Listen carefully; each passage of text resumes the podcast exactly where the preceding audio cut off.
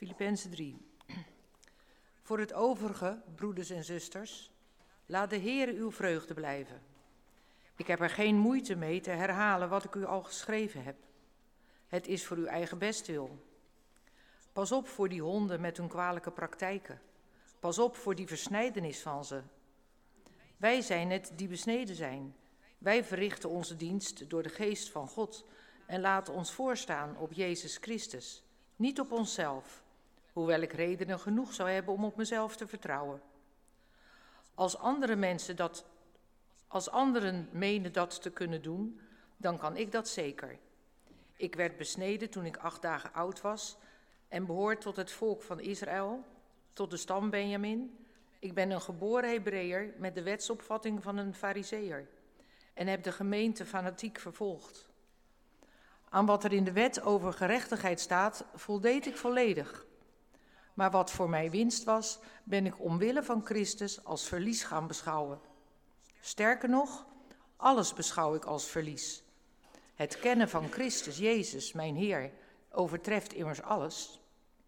Omwille van Hem heb ik alles prijsgegeven. Ik heb alles als afval weggegooid. Ik wilde Christus winnen en één met Hem zijn. Niet door eigen rechtvaardigheid, omdat ik de wet naleef, maar door die van God, de rechtvaardigheid die er is door het geloof in Christus. Ik wil Christus kennen en de kracht van Zijn opstanding ervaren. Ik wil delen in Zijn lijden en aan Hem gelijk worden in Zijn dood, in de hoop misschien ook zelf uit de dood op te staan. Niet dat ik al zover ben en mijn doel al heb bereikt, maar ik houd vol in de hoop eens dat te kunnen grijpen waarvoor Christus Jezus mij gegrepen heeft. Broeders en zusters, ik beeld me niet in dat ik het al heb bereikt. Maar één ding is zeker: ik vergeet wat achter me ligt en richt mij op wat voor me ligt. Ik ga recht op mijn doel af. De hemelse prijs waartoe God mij door Christus Jezus roept. Hierop moeten wij ons allen als volmaakte mensen richten.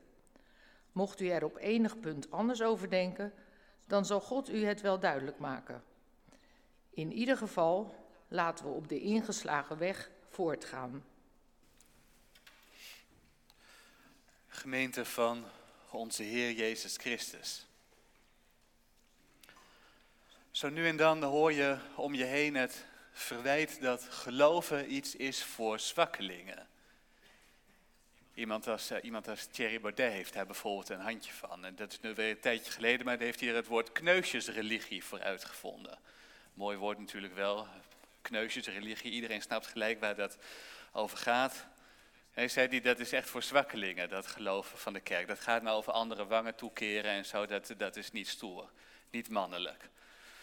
Nou goed, hij is een voorbeeld, maar er zijn wel meer mensen die er zo tegenaan kijken. Geloven is voor zwakkelingen. Geloven is voor mensen die het eigenlijk zelf gewoon niet redden in deze wereld.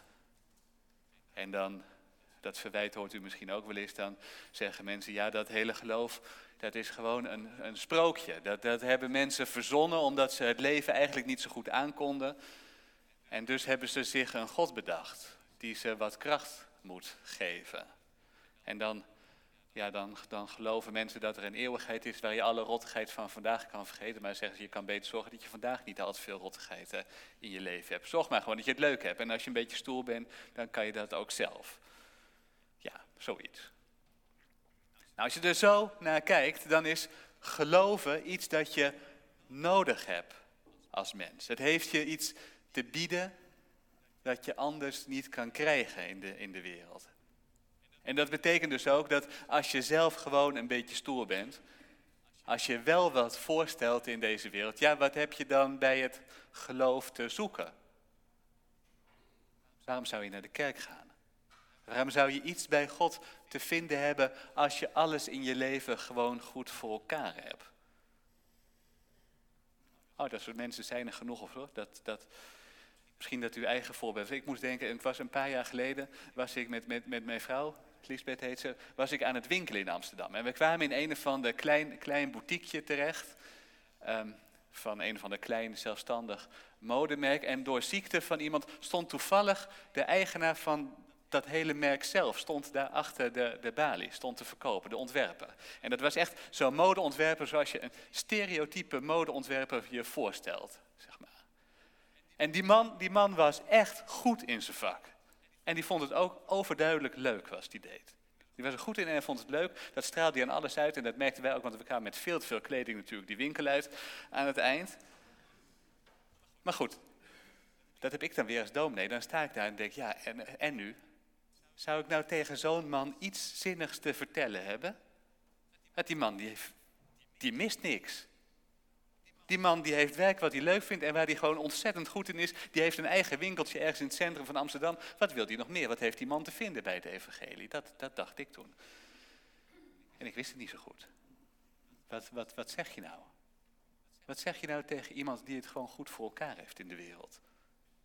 En misschien voel je zelf dat je zo in de kerk zit. Hé, hey, ik heb alles. Wat kan ik meer krijgen? Misschien zeggen anderen, zeggen kinderen, zeggen buren, zeggen collega's het zo tegen jou. Ik heb die kerk, ik heb God toch nergens voor nodig. Mijn leven is op orde. Wat heb je dan te zeggen? Ik, ik had niks te zeggen toen. Vanochtend luisteren we naar Paulus. Paulus heeft wel wat te zeggen. Paulus heeft wel wat te zeggen. Paulus die begint in Filippenzen 3 en dan legt hij zijn eigen leven op tafel. En dat gaat dan ongeveer zo. Ik zei net, die man die was goed in modeontwerpen zijn. Paulus zegt, ja, ik was goed, echt heel goed in wat ik altijd dacht dat Jood zijn was. Ik was echt heel goed daarin hoor, bizar goed, over de top goed.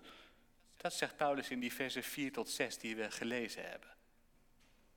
Even zijn cv op tafel leggen, maar dan op zo'n manier dat je als lezer denkt, ja, sorry, maar dit ga ik echt nooit redden. Dit niveau. Zo goed als jij bent, Paulus, zo goed ga ik het nooit voor elkaar krijgen. Dat is Paulus in Filippenzen 3.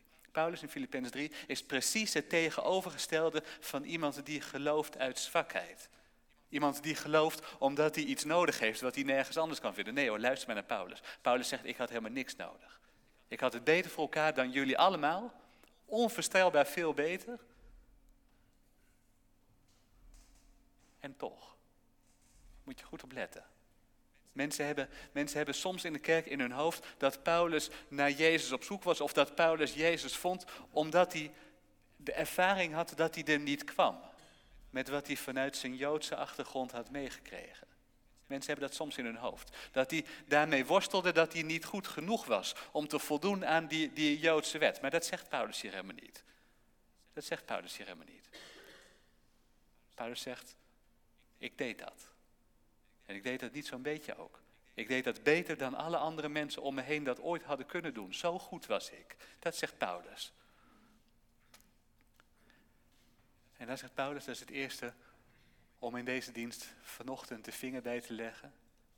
Dat zegt Paulus, dat allemaal, hè? Dat hele cv wat ik nu op tafel heb gelegd, dat is allemaal afval. Waardeloze troep noemt hij het. Sterke uitspraak. Sterke uitspraak. Die man waar ik net over vertelde, die man was goed in modeontwerpen zijn. Paulus zegt, ik was goed in wat iedereen altijd denkt dat Joods zijn is. Ik was er echt heel goed in. Maar waardeloze troep vind ik het nu.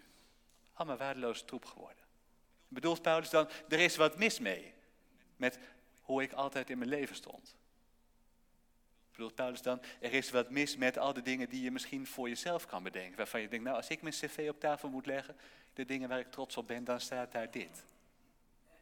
Dit zijn voor mij de dingen waar ik trots op ben. Bedoelt Paulus dat? Dat is allemaal niks waard. Nee, dat bedoelt Paulus niet. Paulus bedoelt niet al die dingen waar je voor jezelf, voor je eigen leven trots op bent, dat is waardeloos. Nee, Paulus bedoelt, ik heb iets gevonden wat nog onvoorstelbaar veel mooier en veel beter is dan alles wat ik altijd dacht dat ik goed voor elkaar had in mijn leven. Paulus zegt, ik wist wel dat ik goed was, maar ik dacht dat ik aan de top zat. En nu heb ik iets gevonden dat nog heel erg ver daarbovenuit stijgt. Alsof Paulus zegt, ik leefde altijd maar een beetje in het platte vlak. En ineens diepte. Alles was grijs altijd en ineens kleur. Iets van een onvoorstelbaar andere orde.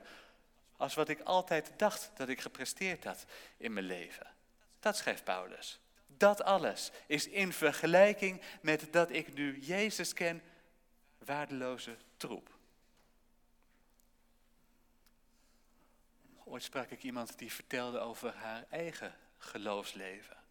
En ze vertelde dat ze jarenlang maar zo'n beetje aangehobbeld had in, in, in de kerk. En dat hoorde erbij en meer niet. Totdat ze op een avond, een oudejaarsavond, met vrienden zaten. En ze waren aan het praten en ze hadden het erover, wat hoop je nou voor je kinderen? En ze zei, ik zei voor mezelf iets wat, ja, wat iedereen altijd zegt in dat soort, op dat soort dingen. Ze zei, ja, ik hoop dat ze gelukkig worden later. En, en toen zei die, een van die vrienden van ons, die zei, ik hoop dat ze Jezus leren kennen. En zij zei, dat sloeg zo in als een bom bij mij. Ze sloeg in als een bom. En ze zei, vanaf dat moment dacht ik, dat wil ik ook. Dat is het enige wat ik nog wil in mijn leven. Jezus kennen. Dat is wat Paulus schrijft. Gaat niet over iets waar je naar op zoek bent geweest. Het gaat niet over iets waar je tekort aan had in deze wereld. Gaat over iets wat zo onvoorstelbaar mooier is, veel mooier is dan alles wat je je nu voor kan stellen. Dat is het te vinden bij hem, zegt Paulus. Dat is het te vinden hier. En dan denk ik, laten we vooral als we in de kerk komen, en laten we vooral als we trouw in de kerk komen, niet te snel genoegen nemen met wat je hier kan vinden. Er is meer. God zelf. Jezus. En Hem te kennen gaat alles ver te boven. Dat is de eerste. Paulus komt niet naar Jezus omdat hij Jezus nodig had. Paulus heeft niks nodig. Nee, Paulus vindt Jezus. En dan ineens relativeert dat de waarde van al het andere wat hij eerder had. Even een lijntje naar wat we lazen uit die geboden uit Deuteronomium. Hoor. Want Paulus zal altijd zeggen, dat is niet zo dat, dat Israël het mis had. Nee, Paulus zegt, ik had het mis. Met mij nog wel een heleboel mensen, maar dat ligt niet, het ligt niet vandaag Israël zondag, ligt niet aan dat het Oude Testament mis was. Ligt niet aan dat ik afscheid neem van mijn Joodse achtergrond. Dat zegt Paulus nooit.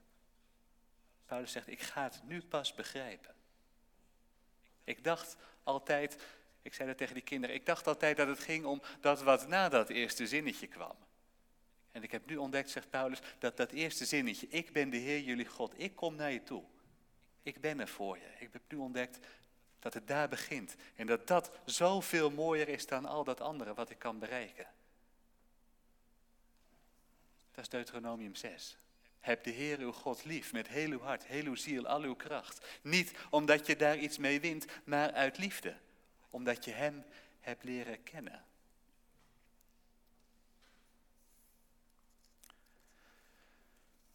Ja, waarom schrijft Paulus dit eigenlijk? Waarom zou je in een brief nou zo op deze manier je eigen cv op tafel leggen? Waarom zou je zo aan je lezers duidelijk maken dat jij, Paulus, zo onvoorstelbaar goed bent in wat iedereen altijd denkt dat Jood zijn is? Nou, dat is omdat mensen in die gemeente in Filippi, die denken dat het in de kerk een plek is waar het daarom gaat. Om hoe zij dat Oude Testament lezen, over wat zij denken dat, dat Jood zijn betekent. En Paulus die denkt, Paulus, die vindt, Paulus die schrijft, nee, dat is de dood in de pot, mensen. Dat is de dood in de pot, daar gaat het niet om. En dan zegt Paulus, prima. Ik wil dat spelletje best even met jullie meespelen. Laten we even doen alsof dit inderdaad is waar het in de kerk om gaat. Laten we even doen alsof dit inderdaad is wat telt in de kerk. Nou, zegt Paulus, dan moet je wel weten, ik haal een niveau dat je nooit van zijn leven gaat halen. Jij niet, u niet, niemand niet. We kunnen het spelletje best even spelen, maar als het hierover gaat in de kerk, zegt Paulus, dan kan je het vergeten. Dan ben ik de beste en jullie komen nog niet eens in de buurt. Maar zegt Paulus, nee, daar draait het niet om. Dan lees je verkeerd, dan luister je verkeerd, dan leg je de verkeerde prioriteiten in wat dat geloof van Israël vanaf het begin was. Ik had dat al. Maar dat is het niet. Er is meer te vinden en dat is ergens anders te vinden. En dat gaat ook over ons. Het draait in de kerk niet om wat ik tegen die kinderen zei, die tweede helft, na dat eerste kleine zinnetje. Het gaat niet om wat de mensen in Paulus' tijd dachten, wat Paulus zelf dacht dat Joods zijn inhield.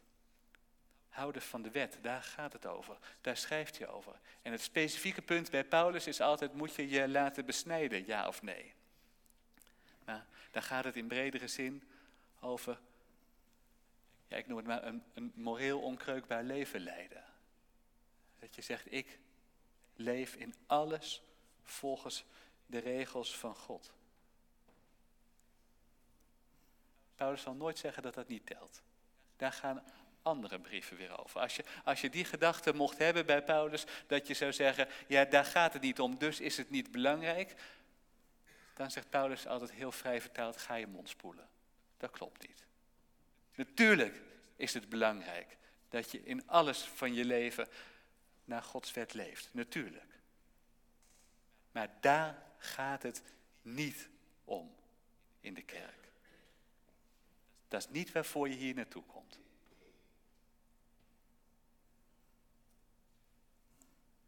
Nog steeds hebben mensen vaak bewust of onbewust dat volgens mij in hun hoofd.